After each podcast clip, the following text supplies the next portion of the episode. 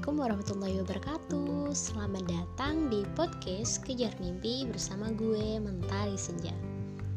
Terima kasih, terima kasih ya buat teman-teman semua yang udah mau mampir ke podcast Kejar Mimpi Dan yang udah mau ngedengerin podcast Kejar Mimpi. Oh iya gimana nih kabarnya teman-teman semua? Gue harap teman-teman semua dalam keadaan baik-baik saja ya by the way uh, udah lama banget gue nggak up podcast kejar mimpi dan uh, malam ini gue mau up podcast kejar mimpi. Nah uh, berbicara mengenai multitasking itu baik nggak sih sebenarnya gitu? Ada orang yang beranggapan bahwa multitasking itu nggak baik.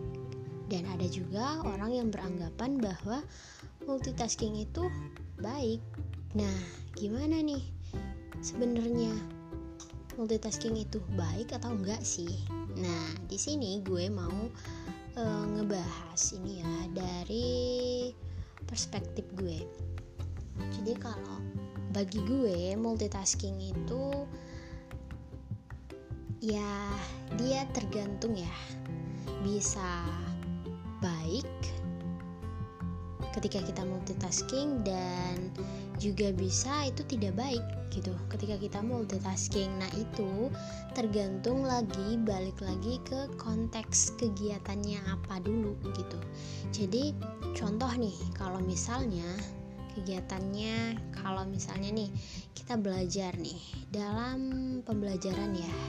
Misalnya belajar ada misalnya belajar uh, mapel yang satu ini si A mapel A gitu. Terus kita juga ngerjain mapel B gitu. Dan ad ada juga ngerjain mapel C gitu. Ada tiga mapel A B C. Nah ini kalau dalam konteks misalnya pembelajaran seperti ini itu gue kalau dari gue pribadi sih kurang apa ya kurang baik dan kurang bagus. Karena ketika kita multitasking dalam pembelajaran itu nanti ditakutkan uh, apa ya uh, tidak maksimal gitu loh dalam mengerjakan eh, tugas-tugas uh, gitu, pembelajaran kita tersebut. Karena dia sekaligus itu ngerjain A, ngerjain B, ngerjain C gitu barengan. Dan itu karena kebanyakan nah ditakutkan nanti adanya kesalahan gitu adanya uh, ya kesalahan tadi gitu. Karena ya kebanyakan mengerjakan kita kan banyak kayak banyak berpikir gitu atau ya berpikir. Ya gitu deh. Banyak berpikir ya. Nah terus kalau misalnya nih dalam konteks uh, pekerjaan ya pekerjaan itu contohnya nih kalau misal uh, lo nih masak terus lo juga nyuci gitu kan. Nah terus lo juga kayak misalnya nih uh, apa sih namanya? Nyuci piring gitu. Nah itu nggak apa-apa sih kalau menurut gue. Karena kalau dalam pekerjaan yang seperti itu pekerjaan sehari-hari gitu kan kegiatan rumah ya nggak apa-apa. Kalau di sambil gitu. Karena itu mengefisiens gitu ya mengefisien waktu gitu.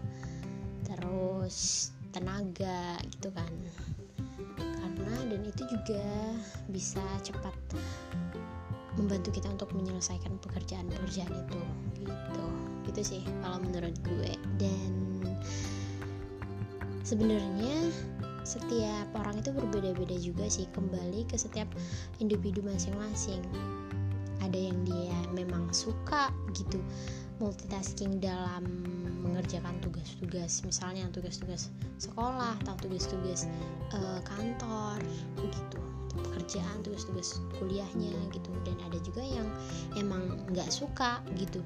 Harus satu-satu mengerjakannya harus memang bener-bener fokus satu demi satu gitu satu persatu. Gitu pun sebaliknya dengan pekerjaan rumah misalnya seperti masak nyuci dan lain sebagainya gitu. Ya itu tadi gue bilang kembali per uh, masing-masing individu ya.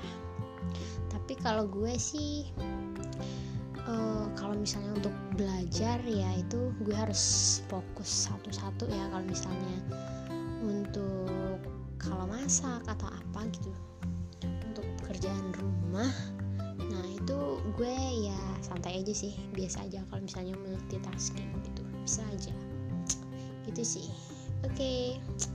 see you guys in the next episode. Bye bye wassalamualaikum warahmatullahi wabarakatuh